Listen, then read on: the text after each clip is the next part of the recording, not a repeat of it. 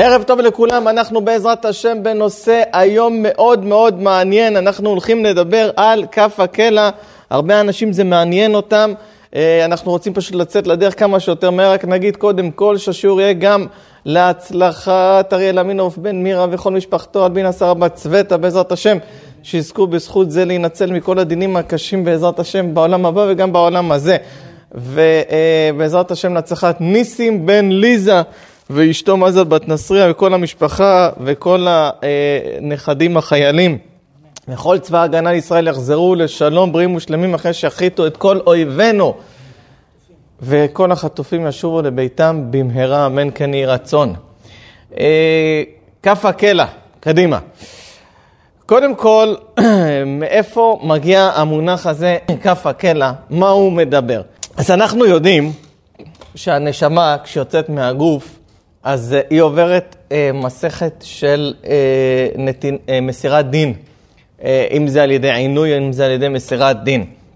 הדבר הראשון שהיא עוברת, אה, כל מי שרואה את השיעור הזה, כדאי לראות בתור הקדמת השיעור שעשינו על חיבוט הקבר. איפה תמצאו את זה? פשוט נכנסים לערוץ, יש את זה בסרטונים, או רושמים הרב עידל צ'יטון לחיבוט הקבר, אתם תראו את זה מופיע בסרטונים. כדאי, כי זה השלב שלפני כף הקלע. אה, מגיע, אז אה, כדאי לראות את זה. טוב, אה, וכמובן תשתפו את זה הלאה, כי כשאתה משתף את זה יש לך זכות גדולה מאוד, ואז עוד אנשים ניצלים מהדבר הזה, ולך תהיה זכות גדולה ששיתפת את האחרים. טוב, מאיפה המונח הזה כף הקלע? מה זה כף הקלע? כף שכולאים בה, כף אור שכולאים בה. יש כף קלע של נשמה, ובעולם הזה זה כף קלע כמו רוד, רוגטקה, שכולאים אבנים. אה, ויש כף קלע של נשמות. איפה זה מוזכר בתנ"ך?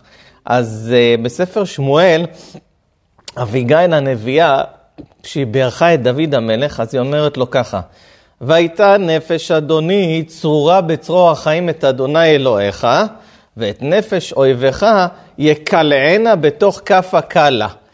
אה, אביגיל מברכת את דוד שנפשו תהיה צורה בצרור החיים מפה באשכבות, מסיימים, תהיה נפשו צורה בצרור החיים, ואומרת את נפש אויביך יקלענה בתוך כף הקלה. מה רש"י אומר במקום? כף הקלה חתיכת אור רחבה עשויה כמין כף באמצע הקלע שנותן בה אבן, בדומה לאבן שמושלכת בכף הקלע. נפש החוטא משוטטת בעולם ואין לה מנוחה עד תחילת תהליך התיקון שלה. שניהם זה טובים, בדרך כלל אומרים כף הקלע, אבל זה כף הקלע, זה אותו רעיון. Uh, המקורי זה כף הקלע, המקורי בתנ"ך זה כף הקלע. טוב, uh, עכשיו, יש בספר יחזקאל, שכדאי גם לראות בתור הקדמה לשיעור הזה, אה, שיעור על תחיית המתים, גם זה תמצאו בערוץ, אה, הרב עידל צ'יטוני, תחיית המתים, תראו את זה, זה מופיע. שם אני מתאר את עניין של תחיית המתים. למה זה גם קצת הקדמה לפה? ההתחלה שם, בהתחלה אני מדבר על זה שיחזקאל מחיה מתים. וכשיחזקאל מחיה מתים, הקדוש ברוך הוא אומר, תקרא להם מארבע רוחות העולם. ולמה מארבע רוחות העולם? אז הבאתי שם את האברבנל, את המלבים שמדברים על ארבע רוחות העולם. והרעיון הוא, אומרים המפרשים, שהנשמות האלה היו נשמות של אנשים רשעים, שהם היו משוטטות בעולם. כלומר, הוא לא היה צריך להביא אותם מגן עדן או מגיהנום, הם היו פשוט משוטטות פה בעולם הזה. אה, וזה נקרא נשמות שנמצאות בכף הקלע. שעוד לא התחיל אה, כניסה שלהם לגיהנום, אלא הן הולכות ומשוטטות בעולם. הקדוש ברוך הוא על גופן של צדיקים אומר, יבוא שלום ינוחו על משכבותם. ועל נשמתן הוא אומר, והייתה נפש אדוני צרורה בצרור החיים. על גופן של רשעים הוא אומר, אין שלום אמר השם לרשעים. ועל נשמתן הוא אומר, ואת נפש אויביך יקנענה בתוך כף הקלה. תניא, רבי אליעזר אומר, נשמתן של צדיקים גנוזות תחת כיסא הכבוד, שנאמר, והייתה נפש אדוני צורה בצור החיים, ושל רשעים זוממות והולכות, ומלאך אחד עומד בסוף העולם, ומלאך אחר עומד בסוף העולם, ומקלעין נשמתן זה לזה, שנאמר, ואת נפש אויביך יקלענה בתוך כף הקלה. כלומר, נשמות הצדיקים הולכים תחת כיסא הכבוד למקור חוצבתם. אבא שבשמיים, הקדוש ברוך הוא, חוזרים למקור, אבל נפשות הרשעים לא יכולות לצאת מהעולם הזה כי הן עוד נדבקות, נדבקו בחיי חיותן בעולם הזה בצורה חזקה, שהן לא יכולות להתנתק מהעולם הזה. זה חלק מהעניין של חיברות הקבר, גם של לנער אותה מענייני העולם הזה, מה שדיברנו בשיעור ההוא. אמ, ותכף נתאר את זה יותר בפוטרות, את העניין של ההידבקות שלהם פה בעולם הזה. אז עכשיו, בואו נעשה סדר אה, עד לנקודה שהגענו עכשיו. האדם שהוא נפטר, אומר הירושלמי, שלושה ימים הוא נמצא מעל הגופה שלו, וזה הימים הכי קשים, שהוא עוד לא מעכל שהוא מת, לכן כתוב שלושה ימים לבכי, מסכת מועד קטן, זה מובא גם אה, ברמב"ם, בשולחן ערוך.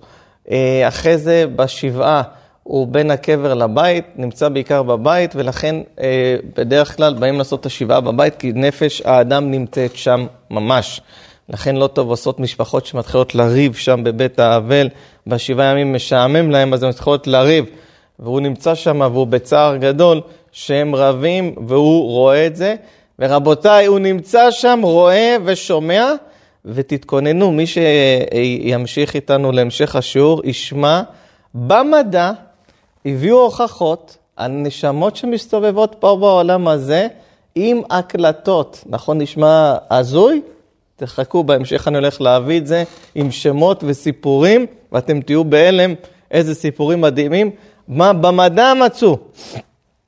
שש, אה, על תיעוד של קולות של רוחות. הנפטר נמצא שם, ו, אה, והוא בצער. אם הם רבים, הם עם... אה, אה, יש כאלה מתחילים כבר לריב על הירושה כבר בשבעה, אין להם זמן לחכות. אה, אז אה, צריך להיזהר מזה. לכבד את הנפטר. אחרי זה הוא עולה למסור דין, חוזר בשלושים, שלושים יום של הדין, חוזר על הקבר, אחרי זה עולה וחוזר בשנה. אם הוא זוכה, בואו נתחיל ככה, אם הוא צדיק, ישר גן עדן. אם הוא פחות, אז הוא, מה זה פחות? רשע, רשע בדין, אז הוא נכנס לגיהנום. אבל יש כאלה שאין להם רשות להיכנס לגיהנום, ואז הם מתחילים לשוטט פה בעולם הזה, אנה ואנה. ומה שקורה שמלאכי חבלה רודפים בהם ומלקים בהם בשוטי אש, ויש תיאורים קשים מאוד. רבי יהודה פתיה גם כן מביא את זה. אחר כך אנחנו קצת נקרא אה, בפנים את התיאור שהוא מתאר על כל מיני נשמות שנמצאות. אה, יש נשמות כמו רבי עקיבא שראה נשמה של אדם אחד שהוא מרים הרבה גזרי עץ. והוא רץ מהר ורואה אותו שחור משחור ואומר לו, לאן הוא רץ? אז הוא אמר שדנים אותו כל יום לחצוב עצים ולעשות מדורה, והוא שורף את עצמו בתוך המדורה. ורואה מלאכי חבלה רודפים אחריו, ואז רבי עקיבא שואל אותו אם יש איזה תיקון שהוא יוכל לעזור לו, ואז הוא אמר שהוא השאיר בן, ואם הבן יגיד קדיש, אז זה יעזור לו. ואז רבי עקיבא הלך לאותה עיירה, ובאותה עיירה כולם לא רצו, אמרו מה, זה היה אדם רשע מאוד על אותו אחד, אבל רבי עקיבא הגיע עד הבית שלו, עד לבן שלו, ולימד אותו א' ב', עד שלימד אותו להגיד קדיש, וכשרבי, וכשהוא אמר קדיש, הגיע אותו אחד בחלום לרבי עקיבא ואמר לו, אשריך שהנחת את דעתי, תנוח דעתך גם כן. אז יש כל מיני סוגי עונשים של נשמות שמשוטטות בעולם הזה. אה, יש סרט שנקרא חוש השישי, אה, אני לא יודע כמה מכירים אותו, הרבה הם לקחו מהקבלה שלנו, שנשמות שנמצאות שם ורואות וכולי. הכוכב של הסרט הוא כביכול לא יודע שהוא מת. זה שייך לעולם התוהו. אני לא יודע אם נספיק לדבר על עניין עולם התוהו בשיעור הזה, או שזה יהיה שיעור בפני עצמו, אבל זה נשמה של בן אדם שהוא מת והוא לא יודע שהוא מת. וזה גם סוג של עונש, רבי נחמן מדבר על זה, אבל המתואר שם על נשמות שנמצאות פה בעולם הזה ומשוטטות ורואות וכולי, זה ממש כף הקלע. אה, רק אה, בתיאורים של חז"ל, אה, הם תיאורים יותר חזקים. אני אקרא לכם לדוגמה את הגאון מווילנה, מה אומר. אומר הגאון מווילנה, עונש כף הקלע כולל השלכת החוטא ממקום למקום. מלאכי חבלה זורקים בו חצים, וכלבים אוכלים אותו. יסוריו של החוטא קשים ומרים כל כך עד שהוא מנסה לברוח מהם אל הגיהנום. הוא מתאר את כף הקלע כתיקון חטאו של הגוף ואת הגיהנום כתיקון חטאה של הנפש. אה, האדם הזה, הוא בורח מכל המלאכי חבלה שרודפים אחריו ויורים בו חצים, הוא מתאר גם שכלבים אה, אה, שרודפים אחריו. ואז, אם הוא משקיט, תבינו, הנפש של החוטא, הנפש של אותו אחד שנמצא בכף הקלע, הוא נשאר עם התאוות שהיו לו פה בעולם הזה. רבי יהודה פתיה מתאר נפשות של אנשים שהם, שבדיבוקים, מה זה העניין של הדיבוק? הנפש, היא רוצה לברוח מהמלאכי חבלה שמכים בה. כל עוד היא משוטטת, הם, הם יכולים להכות בה חופשי. אבל אם היא נכנסת באיזה גוף גשמי של העולם הזה, אין להם רשות לפגוע בו. אה, כי הם שייכים לעולם הרוחני. אז אם הוא נכנס בתוך אבן, בתוך משהו, אז הוא ניצל. אבל כל עוד שהוא לא, אז הם יכולים לפגוע בו. עכשיו, לפעמים הם מקבלים רשות להיכנס בבן אדם. למה?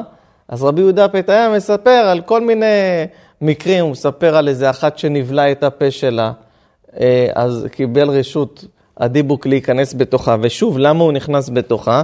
כי כל עוד הוא בתוכה, הם לא יכולים לפגוע בו. אה, בימינו, אה, בגלל שיש אסתר על אסתר, לדיבוק אין רשות להתגלות. בדרך כלל אומרים שאדם שיש לו דיבוק בזמן שלנו, אז הוא פשוט חולה נפש, חולה בנפשו.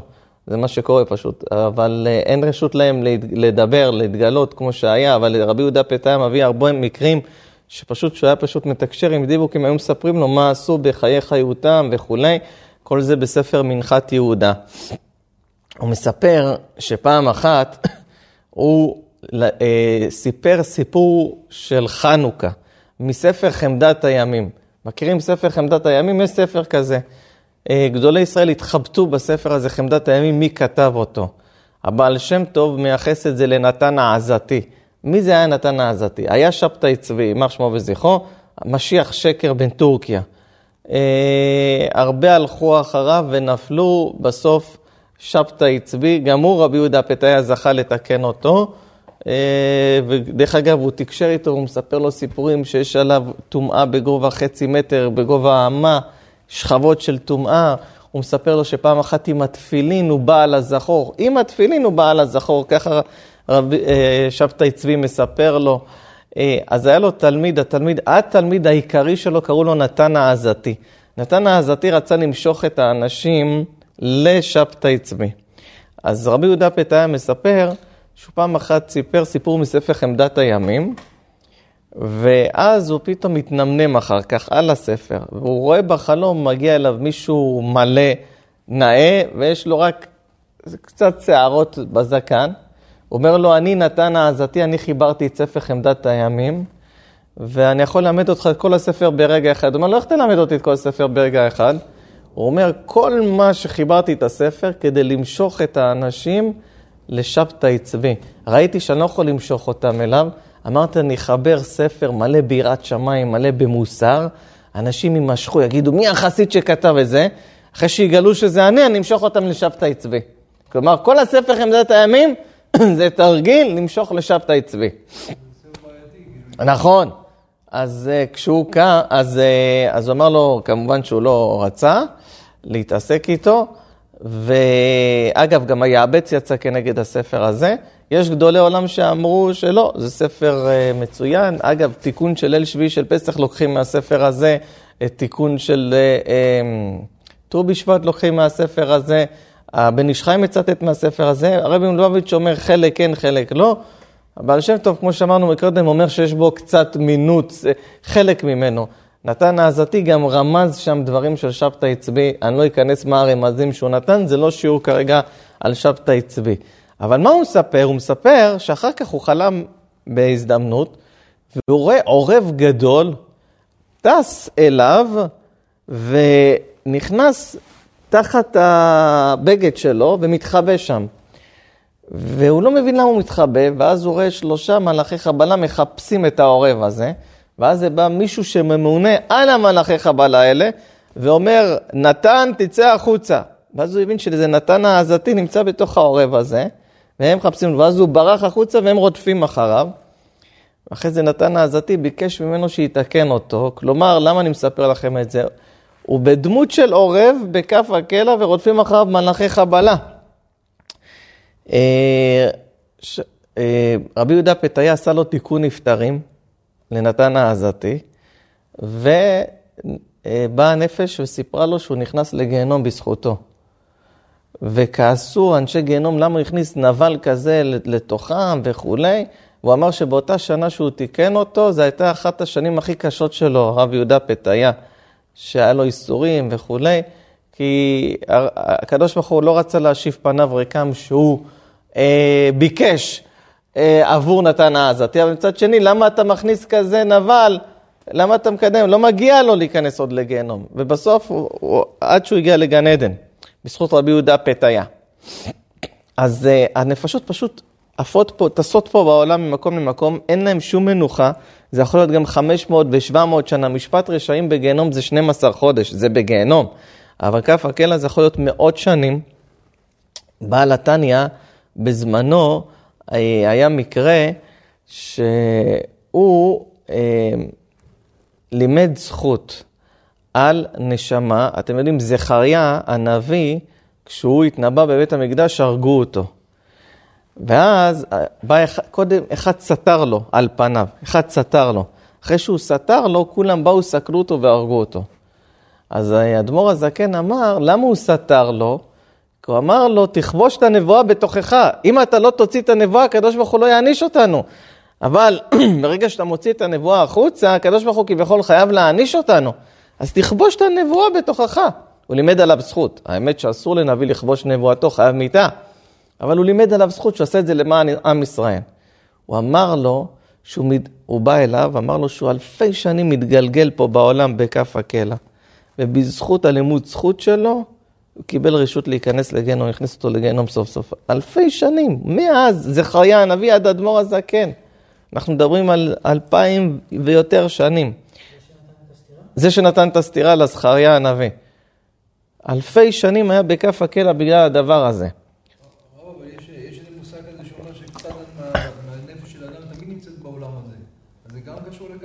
זה, הצדיקים, איזה משהו מהרוח שלהם על הקבר שורה, זה משהו אחר.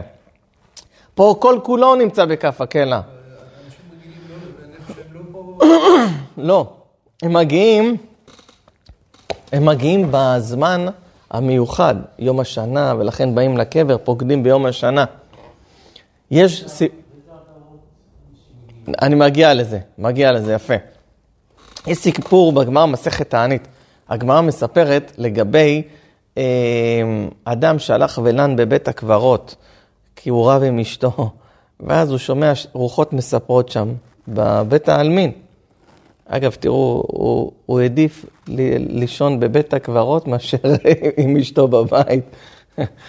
קיצור, אומרים שפעם אחת מישהו היה בבית הקברות, אז פתאום הוא מרגיש שעושים לו ככה מאחורה. הלו, אז הוא מסתובב. אומר, מי אתה? אומר, מלאך המוות. אומר, הבלת אותי, חשבתי אשתי. קיצור, אז הוא הלך ישן בבית העלמין, ואז הוא שומע רוחות מדברות ביניהם, ואז הן מספרות שמי שעזרה, ב... אני לא אביא את כל הסיפור שהגמרא מביאה שם, מי שעזרה בזריעה ראשונה, יצליח, מי שלא, דיברו על מתי ירד גשמים, מתי לא ירד, הוא עשה לפי מה שהם אמרו והצליח. לשנה אחרי זה עוד פעם הלך ולן בבית הקברות, עוד פעם הוא שמע אה, מתי כדאי לזרוע וכולי, עשה לפי מה שהם אמרו, הצליח, עד שבסוף אמרו, ההיא לא רצתה לספר לשנייה, למה? מכיוון כבר נשמעו דברינו בין החיים, אז היא כבר לא סיפרה לה מה, מה יש מאחורי הפרגוד. אה, כלומר, יש נפשות בבית העלמין גם כן, אה, למעשה בכל מקום יש נשמות. עד שהגמרא אומרת מסכת ברכות, אם היה רשות לעיניים שלנו לראות, אין האדם היה יכול לחיות רגע אחד מרוב הפחד, אם היה רואה מה יש סביבו, לא יכול לחיות. והגמרא מביאה איך אפשר לראות, לוקח חתול, בכור בן משל, אל תעשו את זה, אל תיקחו חתולים בכורים וכולי, לא כדאי לכם לראות מה יש סביבכם. אה, מספיק לראות את המלאכי חבלה בתוך גופות של בני אדם שאתם רואים לפעמים אה, פה, מאשר לראות אותם בתור רוחות. אה, נפשות הנענשות בכף הקלע נחשבות למזיקות. בין היתר, חומרת ייסורי הנפש הנקלט בכף הקלע גורמים לה לשאוף להידבק לגופו של אדם אחר החי בעולם, דבר המעניק לה מנוחה. זוהי תופעת הדיבוק. בדרך כלל תינתן לנפש הרשות להיכנס לגופו של חוטא. הדיבוק שואף להחטיא את האדם בו נדבק כדי לממש את תאוותיו. בצאתו הוא עלול לפצוע את גופו של המארח. אה, הרב יהודה פתיה מספר על נפשות שהוא דיבר איתם, כמו שדיברתי איתך. הרי נפש של דיבוק, עוד פעם, זה נפש שנמצאת בכף הקלע, קיבלה רשות להיכנס למישהו, היא נכנסת כדי להימלט מהמלאכי החבלה שרודפים אחריה. אז הוא מספר לו, מה הוא בתור רוח, איך הוא הולך, חוץ מכבודכם, הולך, מסתכל בבית שימוש, רואה נשים, רואה זה, כמו שהיה פה, עכשיו בתור רוח הוא הולך להציץ. בוא'נה, אתה רוח, איך יש לך את התאו? הוא נשאר בדיוק עם אותן תאוות. הוא הולך, כן, אחד, אחד מספר לו שהוא היה עם גברים, נשים והכול. רבי יהודה מתקן אותו, כל כך הוא היה בזימה ובניאוף. רבי יהודה פתיה מתקן אותו, אחרי זה הוא חוזר אליו למחרת, רואה אותו עם אותה כמות של טומאה. אומר לו, איך נטמאת? אני הורדתי לך מה-level של הטומאה על ידי כל התיקונים שעשיתי לך. אז הוא אומר שהוא בעל חתול. כל מיני סיפורים, אתה לא מאמין. הוא אומר, הוא כל כך שקוע בתאוות הניאוף, הוא מספר לו שהוא היה אה, יהודי בטורקיה, והוא היה הולך עם, אה, עם, עם זוגות, היו מזמינים אותו להיות ביניהם וכולי, כל מיני מעשי ניאוף, והוא היה טייס, ופעם אחת נסגרה עליו הדלת של המטוס, וקטעה לו את הרגל, וככה הוא איבד הרבה דם ומת, ככה הוא מספר לו איך הוא מת. אה, אבל מה יוצא מה, מכל השיחות שלו איתם? שהם פשוט, עם כל התאוות שהיה להם פה בעולם הזה, הם שם, זה בדיוק אותו דבר. הם גם מקללים אותו, את הרב יהודה פתיה, תוך כדי שהוא עושה להם את התיקונים, כי הם מרגישים את הכאב. אה, מצד אחד, ההיפרדות מן הגוף היא שואפת להידבק במקורה הרוחני הטהור. צד שני, היא אחוזה ונמשכת אל החומריות והתאוות אליהן התרגלה בעולם הזה. אז היא נמצאת בין לבין. בזוהר, פרשת תרומה, מדבר על כף הקלע. וזוהי נפש שאין לה מנוחה.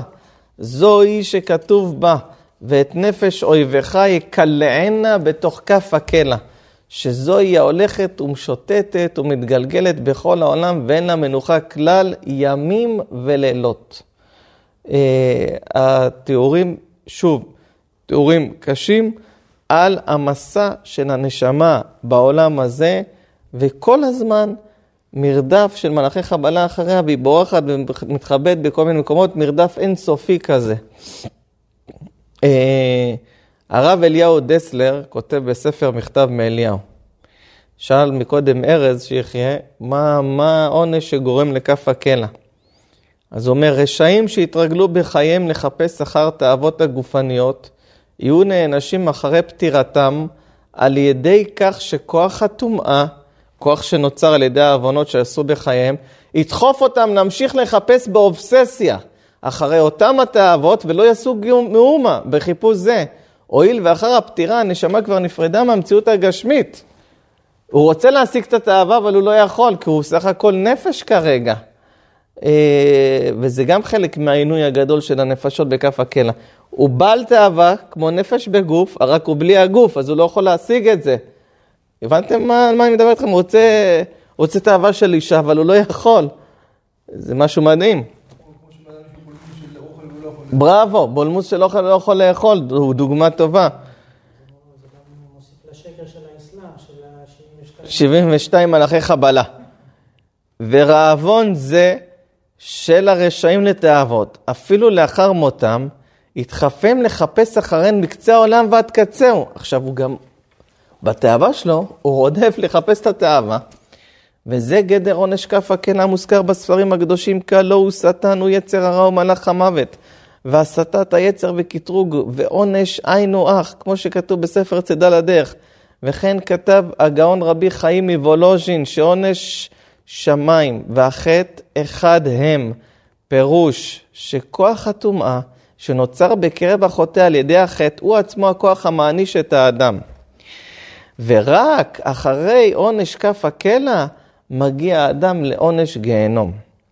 וכבר כתב הגאון רשז זצ"ל, הלוואי ויזכה החוטא לגיהנום, פירוש כי גיהנום עניינו חרטה וברור, ועל ידי זה בא בסוף לידי תיקון.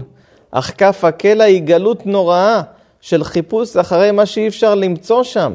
וכבר נאמר בספרים שמלאכי החבלה, שמתאבות עצמן וכוח הטומאה שבהן, לא ייתנו מנוח לנפש הרשע, אלא יריצו הלאה והלאה, וכבר יחשיב לו לכהן מדרגה, אם ירשו להכניס את עצמו על דרך הגלגול באבן הדומם, פירוש שיעשה הדומם וישכח את אהבותיו לרגע, ובכף הקלע עצמה אין תיקון, אלא שאורך הזמן משכח לאט לאט, כי הנפשות הדבוקות לתאוות העולם הזה נשארו אצלן כל גדרי העולם הזה. מה, אין תיקון, הוא אומר, מה שיש תיקונים, אה, גיהנום וכולי, אומר, מה יעשה אותו אחד שלא השאיר ילדים, לא השאיר כלום? הוא אומר, רק הזמן, עוד שנה, עוד שנה בכף הקלע, רק אז לאט לאט זה מוריד לו מהחומריות, מהדבקות שלו בעולם הזה, מהדבקות שלו בתאוות, מה, מהענייני גדרי העולם הזה, ורק אז הוא יהיה מוכשר להיכנס לגיהנום. אל תדבקו בתאוות. זה, זה מסך שתופס אותך ולא עוזב אותך, ואתה יכול להידבק עם זה שנים, מאות שנים. אתה נהנה לרגע, אבל אתה נתפס במסך של טומאה, ואתה נכנס לפרוזדור ענק של תיקון, שלהוריד את זה זה קשה מאוד. נהנית רגע אחד, אבל אתה סובל המון זמן. ואתה נכנס למלחמה שאתה לא יודע איך תצא ממנה. פשוט לא לגעת בזה. אה, על פי הרב אליהו דסלר, מה שדיברנו עכשיו, הרעיון הוא להוציא את האדם מגשמיות העולם הזה. חיווט הקבר לא מספיק לו, הוא צריך פשוט לשוטט פה ולעבור את העינויים שהוא עובר, עד שהוא לאט לאט נהיה רוחני, רוחני יותר, והוא יכול להיכנס לעולם רוחני שנקרא גיהנום. אמ, טוב, מה עיקר העונש שגורם לכף הקלע? כותב רבנו יונה בשערי תשובה, שער ב' אות י"ח, דע, ודע כי נפש הרשע אשר כל תאוותה לחפצי הגוף בחייו, ונפרדת תאוותה מעבודת הבורא ונבדלת משורשיה, אתה נבדל מהשורש שלך כשאתה הולך לענייני התאוות, זה לא אתה. תרד במותו למטה לארץ אל מקום תאוותה, ותהי תולדתה כטבע עפר, לרדת ולא לעלות.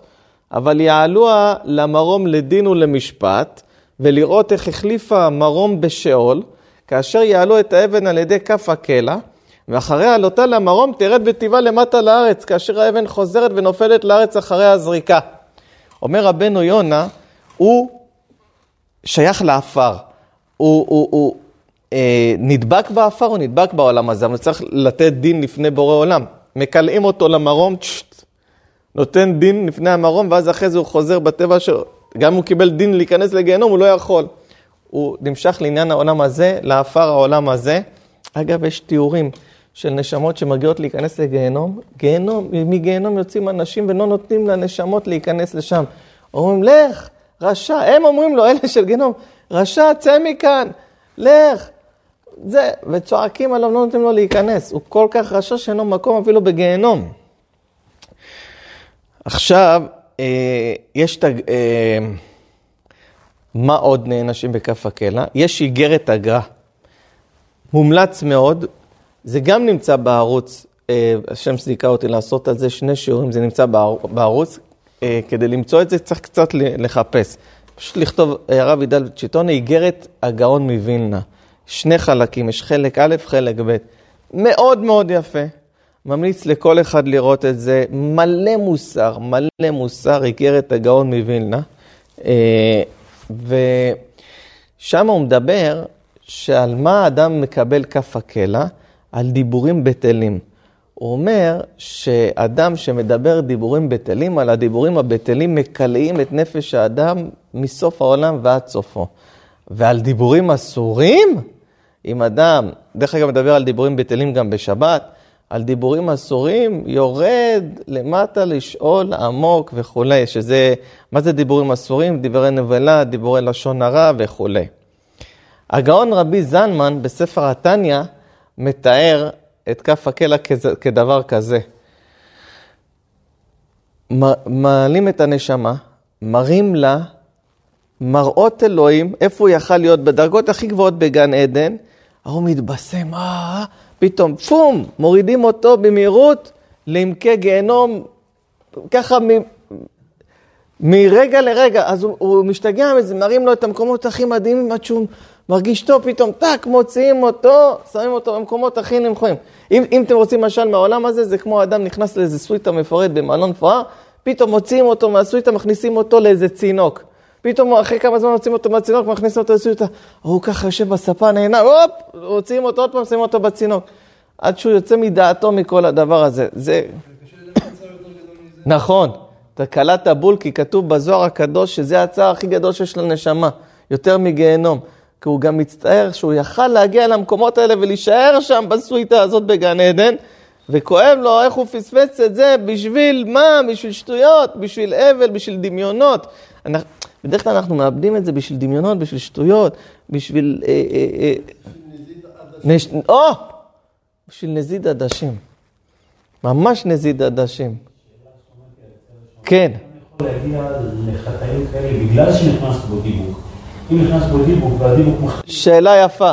שואל ארז, אה, הדיבוק מחטיא את האדם, אז מה האדם אשם? הדיוק בתשובה שלי זה מה שאמרתי מקודם. הדגשתי מי, למי הם נכנסים. כל אחד, הרב יהודה פתיה, שאל אותו, למה נכנסת בבן אדם הזה? אז הוא אומר, אחד אומר בגלל שהוא דיבר דיבורי נבלה, אחד הוא אומר בגלל שהוא לא מברך כשהוא שותה ואני הייתי בתוך המים. הוא בא לשתות מים, הוא לא בירך, הוא היה בתוך המים, הרוח. אז הוא נכנס בו בתור דיבוק. הכניסה שלהם באה בעקבות חטא. בנפש צדיק הם לא נכנסים. בעקבות חטא הם נכנסים. אז אה, עבירה גוררת עבירה, בדיוק. עכשיו...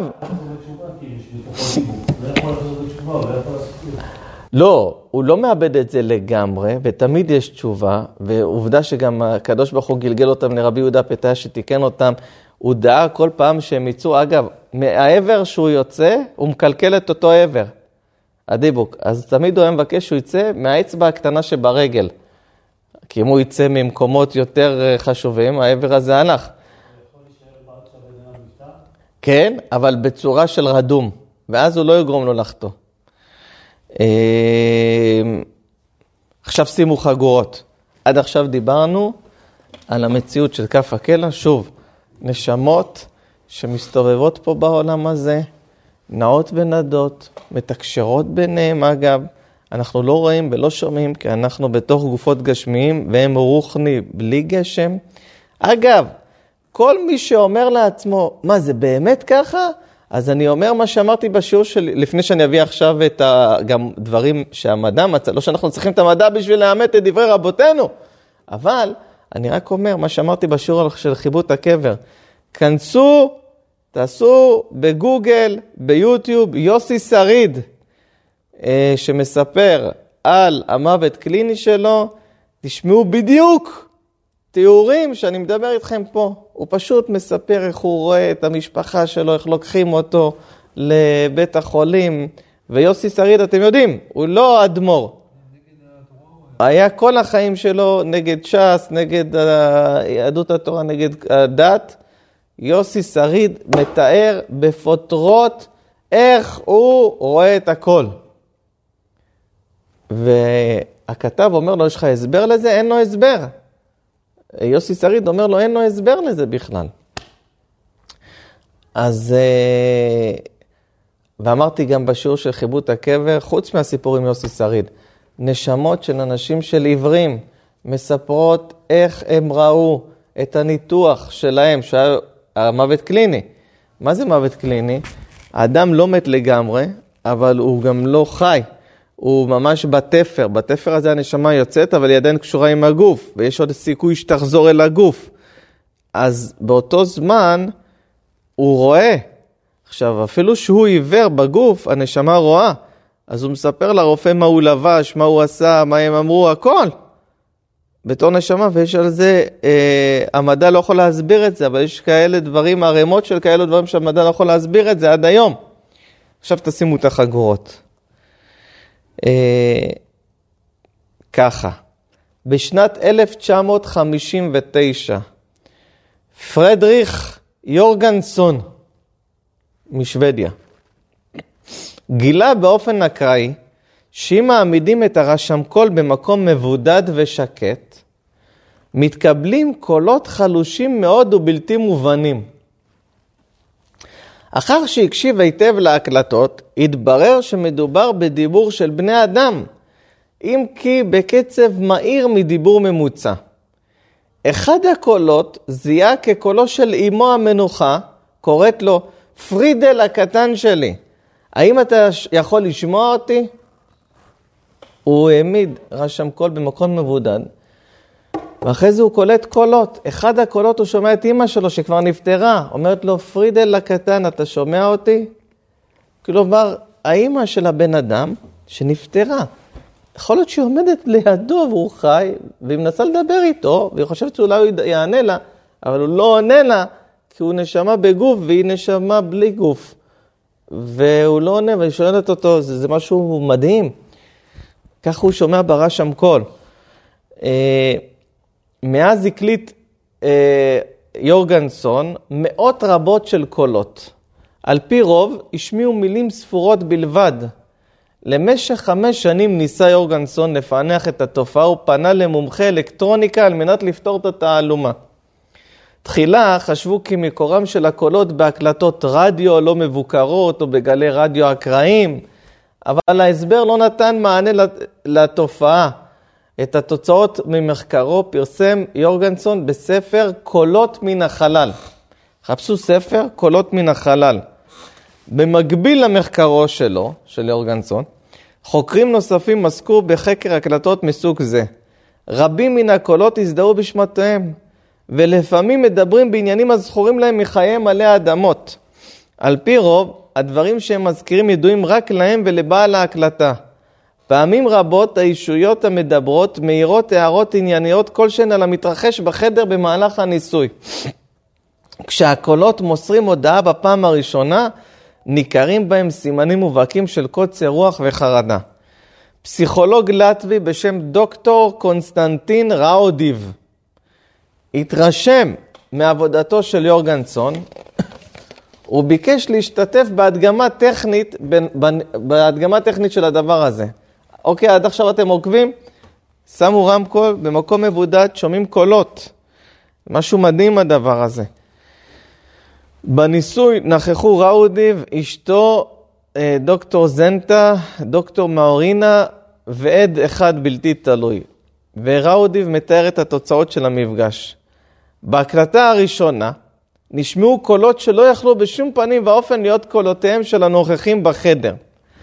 דוקטור מאורינה למשל העירה תוך כדי הקלטה שנראה לה שהנשמות הנמצאות למעלה חיות באושר ובשאננות, אה, ובשאננות. הדוקטור מאורינה אמרה, נראה לי שהנשמות שם חיות באושר ובשאננות, הנשמות שנפטרו. אז אחר כך הם שמעו בהקלטה קול שאומר שטויות. מילה זו נשמעה בבירור וזוהתה בנקל כשהאזינו לקלטת לאחר מכן.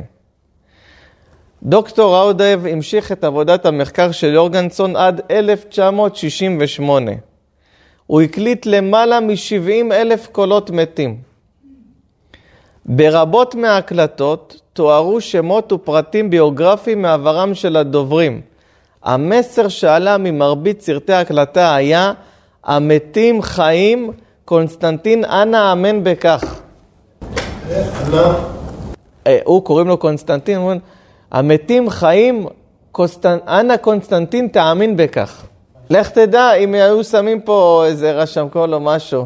כן, כן. באחד המקרים הקליט דוקטור ראודאייב קול שזיהה את עצמו בשם ווינסטון צ'רצ'יל. דוקטור ראודאייב בדק במעבדתו את הקול והשווהו לקול של צ'רצ'יל שהוקלט עוד בחייו.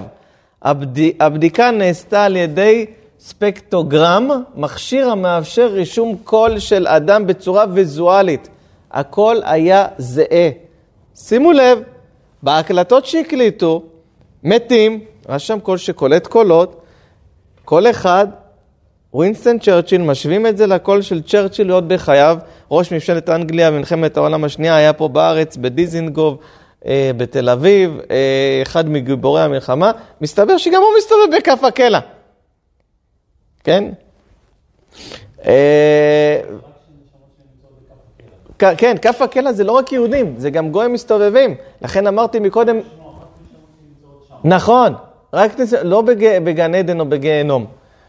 למרות שיש איזה סרטון שהרוסים חפרו בעומק, בעומק האדמה, ויש מיקרופון בפנים, לא יודע אם ראיתם את הסרטון, ושומעים קולות כאלה של צרחות. אה, מעניין לראות את הסרטון הזה. אה, ראיתי אותו, הכוונה מעניין שתראו אותו גם, אבל אני לא נכנס לזה. פה זה דברים שתועדו, פה בעולם הזה, מקולות ששמעו, שרשם קול קולט אותם, והם אחרי זה בודקים ושומעים קולות של אנשים. עד כדי כך אמרתי לכם שהוא שומע את אימא שלו אומרת לו, פרידל הקטן, אתה שומע אותי? עד כדי כך, כלומר, היא הייתה לידו מדברת, הוא באוזן שלו לא שומע, אבל הרשם קול כן קלט את זה, שזה מדהים. תבינו, התורה שלנו חיה ובועטת וקיימת ואמת, רק צריך להסיר את המסך הזה שיש עלינו, שאנחנו רדומים, אנחנו חיים ב- ב- ב- ב- בשינה, אנחנו חיים בשינה, צריך פשוט להתעורר. המציאות מולך, רק תפתח את העיניים, המציאות האמיתית. אה, משה אמת ותורתו אמת, המתים חיים, השאלה רק איפה הם נמצאים. אה, טוב, ראודאב פרסם את מחקריו בספרו פריצת דרך. לאחר מכן נעשתה התופעה מוכרת וכונתה בשם קולות ראודיב. בשלב מאוחר יותר, Electronic Voice, אה, אה, תופעות הקולות האלקטרונים, בסדר? יש לזה קיצור באנגלית EVP. דוקטור ריימונד קאסט, חוקר קולות מתים, שמע קולות מוקלטים על רשם קול שאמרו, ראודייב איש זה קרוב לקבר. אחרי שלושה חודשים הוא נפטר, הראודייב הזה. אה, בהתחלה רצו גם להגיד, אולי זה קולות שהתת מודע של האדם, והרשם קול קולט, אבל אחרי זה אמרו, זה לא יכול להיות, זה לא הגיוני. אה, וגם, ברבות הימים, ככל שהלך והשתפר הציוד הטכני ששימש לניסויים, אז אה, השתכנעו כמה שזה אמיתי הדבר הזה. אחד מהם זה פרופסור בנדר. אה, הלאה. הפיזיקאי ומהנדס האלקטרוניקה פיטר הייל, אחד מגדולי המומחים במערב החשוב ביותר בבריטניה בתחום המיסוך האלקטרוני, ערך ניסוי. למה? יש כאלה שרצו לטעון שזה, או אולי זה קולט איזה גלי רדיו, או זה קולט משהו מהביון האמריקאי. מה הוא עשה? תכליתו למנוע מגלי האתר כל גישה אל הרשם קול, ושאר ציוד ההקלטה. הניסוי נערך במעבדה מוגנת מגלי רדיו של חברת בל, בלינג ואלי בעם שבאנגליה. כשהוצא הציוד מן הבידוד והושמע סליל ההקלטה, אותרו עליו קולות שאחד מהם שאל בשפה הלטבית, היכן רודיב? רודיב היה שמו של אחד החוקרים. אה, דוקטור יואכים מן הלשכה המרכזית לטכנולוגיה בברל... טלגרפית בברלין, הוא מנהל צוות המחקר לאקוסטיקה, בדק את הקולות על ידי ניתוח הצלילים על, גדי, על גבי תרשימים גרפיים של הדיבור. מסקנת הבד, הבדיקה הייתה שתחומי התדרים של הקולות המוקלטים הם מ-200 הרץ ועד 6 עד 7 קילו הרץ. תחום זהה לזה שבו נקלטים קולות של בני האדם. מבדק זה פסל את האפשרות כי הקולות מגיעים ממקום, ממקור הזייתי כלשהו. כלומר, אם אתם רוצים תמצות של כל מה שאמרתי עד עכשיו, אה, המדע הצליח בכלים טכנולוגיים לקלוט קולות של מתים שמהלכים בינינו, נשמות של מתים שמהלכות בינינו, שמדברות, שאנחנו לא שומעים אותם, אבל הטכנולוגיה כן קלטה אותם. אה, זה בדיוק מתאים לגמרא שאמרתי לכם בהתחלה, שמסכת ברכות, שאם היינו, אם היה רשות לעין לראות, אין אדם יכול לעמוד מפני זה רגע אחד, ויש סביבנו נשמות שלא קיבלו רשות להיכנס לגיהנום, בטח לא לגן עדן, והן פשוט מסתובבות בינינו אה, במרדף של אה, מלאכי חבלה אחריהם, של כלבי אש אחריהם, דברים מזעזעים. אגב, יש גם מראות חיוביים סביבנו שאנחנו לא יודעים. אלישע הנביא, אה, כשהגיע צבא ארם לקחת אותו, למה הגיע צבא ארם לקחת אותו? צבא, מלך ארם ניסה להרוג את מלך ישראל. וכל פעם אלישע היה מספר למלך ישראל איפה אורבים לו, ואז מלך ארם חשב שיש מרגל אצלו, ואמרו לו, זה לא מרגל, הייתה גם שבויה יהודייה אצלו. אמר, יש נביא לישראל שיגיד לך גם בחדר משכביך מה אתה חושב. אז הוא אמר, תביאו אותו אליי, תפסו אותו. אז הוא שלח צבא ענק לתפוס את אלישע, אלישע יוצא עם גחזי, וגחזי נכנס ללחץ, צבא ענק של ארם בא לתפוס אותם. אז אלישע אומר לו, תירגע, רבים איתנו מאשר איתם, יש יותר איתנו מאשר איתם. אז הוא מסתכל עליו, מה? רבנו, הכל בסדר? אולי הלחץ שיבש אותך? אז הוא אמר, אלוהים, אנא פקח נא את עיני הנער, פתח לו את העיניים. ויפקח השם את עיני הנער, פתח את העיניים של גחזי, הוא רואה מרכבות של אש, של מלאכים, שהמון, יותר מהכמות של צבא הארם, שהם מגינים על אלישע הנביא. אנחנו פה בעולם רואים איזה זקן חמוד כזה, נביא אלישע, ואין לו אפילו אקדח, אין לו, אין לו חץ וקשת, אין לו כלום. ואתה אומר, אז איך הזקן הזה מול כל הצבא הענק הזה? והוא מוקף במלאכי שרת, סוסי מרכבה משמיים שבאו לשומרו. אגב, איך זה נגמר? הוא היכה אותם בסנוורים, ואז הוא הוליך אותם עד המלך ישראל וכולי, לא ניכנס לכל הסיפור הזה.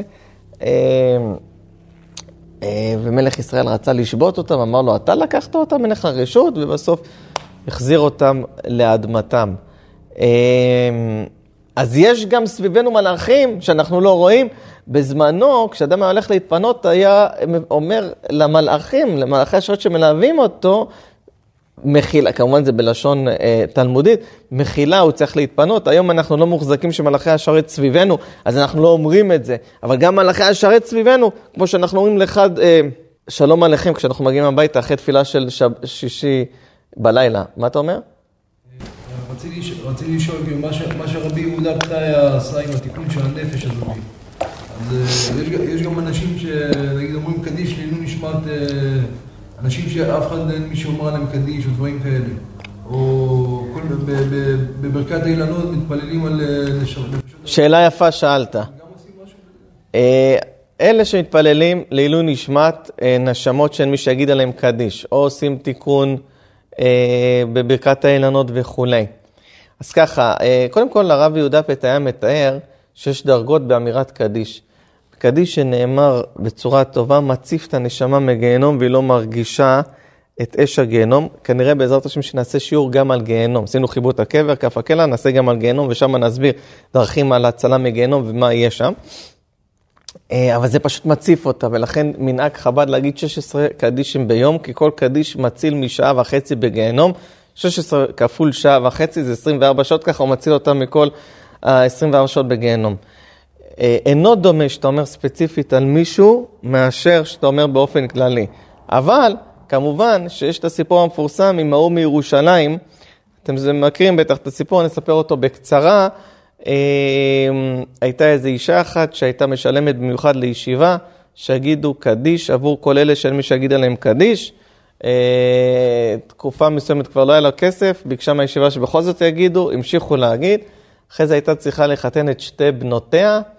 ולא היה לה כסף בשביל זה. הם הגיעו לפרקן, שתי בנות סמוכות בגיל, הלכה ובכתה ברחוב, בא אליה איזה איש ככה עם חליפה אדור בלבושו, אומר לה, גברת, למה את בוכה? אה, ואז היא מספרת לו, הוציא פנקס צ'קים, מיד כתב לה צ'ק ככה שמן, חתם, נתן לה את הצ'ק, הודתה לו, בירכה אותו. הלכה לבנק עם הצ'ק, וכשהיא מגיעה לבנק, הפקידה מיד קוראת למנהל, המנהל קורא לה לחדר, אומר לה, מי זה שחתם לך על הצ'ק? את תוכלי לזהות אותו? הראה לה תמונות, ואז כשהראה לו תמונה אחת, אמ-, אמרה, זה זה, זה האיש הזה.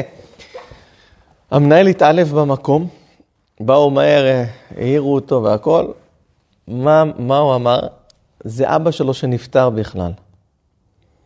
ואבא שלו בא אליו בחלום ואמר לו, אתה לא קורא עליי קדיש, אין לי מנוחה בגללך, אבל יש איזה אחת שהיא דואגת שיגידו קדיש גם על, עבור מי שאין מי שיגיד עליו קדיש.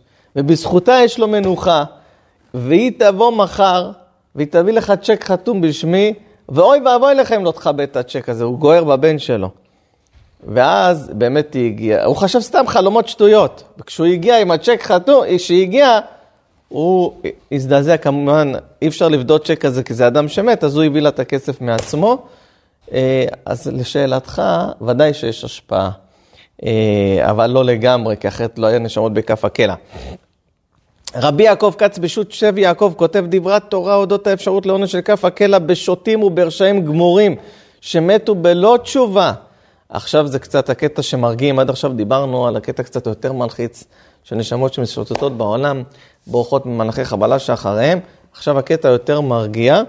אה, עוד מעט, אבל רוב העולם, אפילו רשעים גמורים מתחרטים ומתוודים קודם אותם, ואפילו מי שנטרף הזמן שאינו יכול להתוודות בפיו, מתוודה בליבו מסתמה, והרחמנה מקבלו בתשובה. לפי הרב יעקב כץ, בשו"ת שב יעקב, רוב האנשים לא מקבלים את כף הקלע, כי רוב האנשים, גם הרשעים, מתוודים, מבקשים סליחה וניצלים מהדין הזה. אה, לעומת זאת, הרב יעקב משה הלל בשו"ת וישב, וישב הים, כתב להשיג על דברי השב יעקב והוכיח מכתבי האריזל שגם אם התשובה מכפרת ומצילה מרוב העונש של כף הקלע, עם זאת אין התשובה מספיקה לבדה כדי למנוע לגמרי את העונש, אלא צריכים גם תיקונים קבליים. אה, הבן איש חי הביא כל מיני תיקונים להינצל מכף הקלע. רבי אהרון רטה, יש לו ספר טהרת הקודש. הוא כותב איך ניצלים מכף הקלע. אגב, מקודם אמרנו שאם אדם לא רודף אחרי תאוות, סגולה אחת. סגולה שנייה אמרנו שדיבורים בטלים, להעמיד בדיבורים בטלים, הבאנו בשם הגאון מבינה, ובפרט בשבת וימים טובים. רבי אהרון רטה זצ"ל בספר טהרת הקודש כתב שאמירת קריאת שמע שעל המיטה בכוונה הוא תיקון גדול שמועיל להציל, הורג 1200 מזיקים גם, כמובן יחד עם התשובה, והוא מציל גם מעונש חיבוט הקבר. כתב החידה אמירת הקדיש אחר התהילים על ידי בני המנוח, אם קוראים תהילים ועושים אחרי זה קדיש לעילוי נשמה, יש בה כדי לסייע להציל את נשמת המנוח מאותם כוחות הטומאה של כף הקלע. הרי רודפים אחריו, אז הוא פשוט שוטט בלי שירדפו אחריו לפחות. אה, אז טוב להגיד תהילים ולעשות קדיש אחרי זה לעילוי נשמת אותו מנוח. אגב, הילדים צריכים להיות אקטיביים, צריכים לעשות הכל, יש להם משימה, כל החיים ההורה הזה רדף בשבילך, הלך, עבד בלילות, משמרות, קם באמצע הלילה להחליף לך, אה, רץ לגן כשהגננת צלצלה ואמרה בוא תיקח את הילד או זה. ההורה היה במשימת חיים בשבילך, אה, עכשיו תתחיל במשימת חיים בשבילו. קדישים, תורה לעילוי נשמתו. תדאג שיכתבו ספר תורה לעילוי נשמתו. תדאג שאברכים ילמדו לעילוי נשמתו. ת, תעשה פרויקט. איך אתה מציל את אבא, אימא, מכף הקלע, מגיהנום, מהעונשים האלה. וראיתי שלימוד תורה בעיקר, כל הזמן להשתדל. כי אינך יודע אם בכלל נכנס לגיהנום או לא. אה, לא במקרה שלך ספציפית, אצלך ספציפית זה גן עדן. לימוד תורה, לימוד תורה מציל מכף הקלע. כך כתבו, ראיתי שכותבים, ובן איש חי גם מביא את זה, שבעיקר לימוד תורה אפילו אלישע אלישע אחר לא לא הצליח להיכנס לגיהנום בגלל לימוד תורה. מובא, נכון, יפה מאוד. אש של גיהנום לא שלטה באלישע בז- בזכות התורה שלו, כמו שכתוב בסוף מסכת חגיגה, שאפילו פה שישראל אה, אין אש אור של גיהנום יכולה לשלוט בהם, קל וחומר ממזבח. הבן איש חי, הנה, הבן איש חי אומר שלימוד התורה מנחיל לנפש את האפשרות להינצל מכף הקלע. כמה שיותר ללמוד תורה. תפיצו תורה, השיעור הזה, תפיצו אותו הלאה. אם בן אדם יראה שעה עכשיו לימוד תורה בזכות ששלחת לו את זה, יש לך שעה של לימוד תורה בלי שעשית כלום, פשוט רק שלחת בשיתוף בוואטסאפ, ואם שניים רוז, יש לך שעתיים של לימוד תורה. לימוד תורה מציל מכף הקלע. והרב יוסף ידיד, כמדומני הוא, הגיע בחלום לאחד מגדולי ישראל, ואמר לו שמכל החידושים שהוא כתב, מכל הלימוד שלו, עשו לו הגנה כזאת שאין אש ואין שום דבר יכול לפגוע בו, ופשוט זה הוביל אותו כפרוזדור לגן עדן. והוא אמר, תגל, ת, אני מתיר לך לספר שמי שלומד תורה, יש לו פרוטקציה בעולם הבא. כך הוא אמר בחלום, עד כדי כך. כשאתה מקושר עם התורה, אתה מקושר עם... כל שכן. הוא, כשאתה, מקו- עכשיו, אם אתה עם התורה, אתה מקושר עם הרוחניות, אתה מלופב ברוחניות, כמו שכתוב בספר התניא, שאתה מתחבר עם אלוקים חיים, שום דבר לא יכול לפגוע בך, אתה כל כולך רוחני, הנפש שלך שואפת לרוחני והיא תגיע ישר לרוחני. זה כשאתה לומד תורה הרבה, תלמדו הרבה תורה, הרבה תורה, עוד שיעור ועוד שיעור ועוד לימוד ועוד ידע ועוד תורה. תתקדשו, תתארו. ואז אה, אה, אה, המסלול הוא דרך ארוכה וקצרה. פה זה דרך ארוכה של הרבה שיעורי תורה, ואחרי זה קצרה ישר לגן עדן, בלי כל התיקונים האלה, חיבוט הקבר, כף הקלע, אה, גיהנום וכולי. עולם התוהו. אה, לכן כדאי להשקיע פה בעולם הזה כמה שיותר ללמוד תורה בהתמדה. אז, וכדי, ורק שנעשה את הסיכום, איך אנחנו ניצלים מעניין של כף הקלע, אז תזכרו, המרדף אחרי תאוות העולם הזה, ההיקשרות לחומר, הרב אדס, שמעתי ממנו בעיקר הברית, אדם שפוגם בברית, בגלל שהוא, מת... זה ההנאה הכי גדולה בענייני העולם הזה, זה העניין הזה. אז הוא הכי מתקשר בחומר והכי קשה לו לצאת מהדבר הזה. אה, דיבורים בטלים זה עניין של רוח, אז הוא קשור, הוא קשור בכף הקלע. דיבורים אסורים כמובן, אה, לא להיות במרדף אחרי תאוות העולם הזה, אה, ולהיזהר מכל העניין של ניאוף. כל הדברים האלה הם גואה, ולא לזלזל בתלמידי חכמים, כמו שראינו בסיפור של זכריה הנביא. כל הדברים האלה מביאים לשם, לימוד תורה, הליכה בתום, לשמוע לדברי חכמים, מביאה לגן עדן. אז בעזרת השם, תלכו לשון רגועים, לא לחשוב על איזה רוחות שנמצאות ליד הזה, לא להתחיל לשמוע איזה קולות, פשוט ללמוד תורה, להיות מחובר לשם, הולך בתום, ישכון, ישכון בטח. ובעזרת השם, שהשיעור הזה וכל ההתחזקות שתעבור בעקבות זה, היראת שמיים שזה יכניס לאנשים, יהיה גם הוא תיקון לכל אותן נפשות משוטטות אה, שיגיעו לתיקונם במהירות, אה, בקלות, והקדוש ברוך הוא בכלל יגאל אותנו גאולה שלמה, תחיית המתים אה, במהרה בימינו. אה, דרך אגב, אלה שלא מאמינים בתחיית המתים, לא רק שלא קמים בתחיית המתים, אומר רבי יהודה פתאיה, שגם הם משוטטים בעולם אנה אנה במרדף של מלאכי חבלה אחריהם. תאמינו בתחיית המתים, זה יהיה. ובעזרת השם, גאולה אמיתית והשלמה במהרה בימינו, אמן כן רצון. רבי חנניה.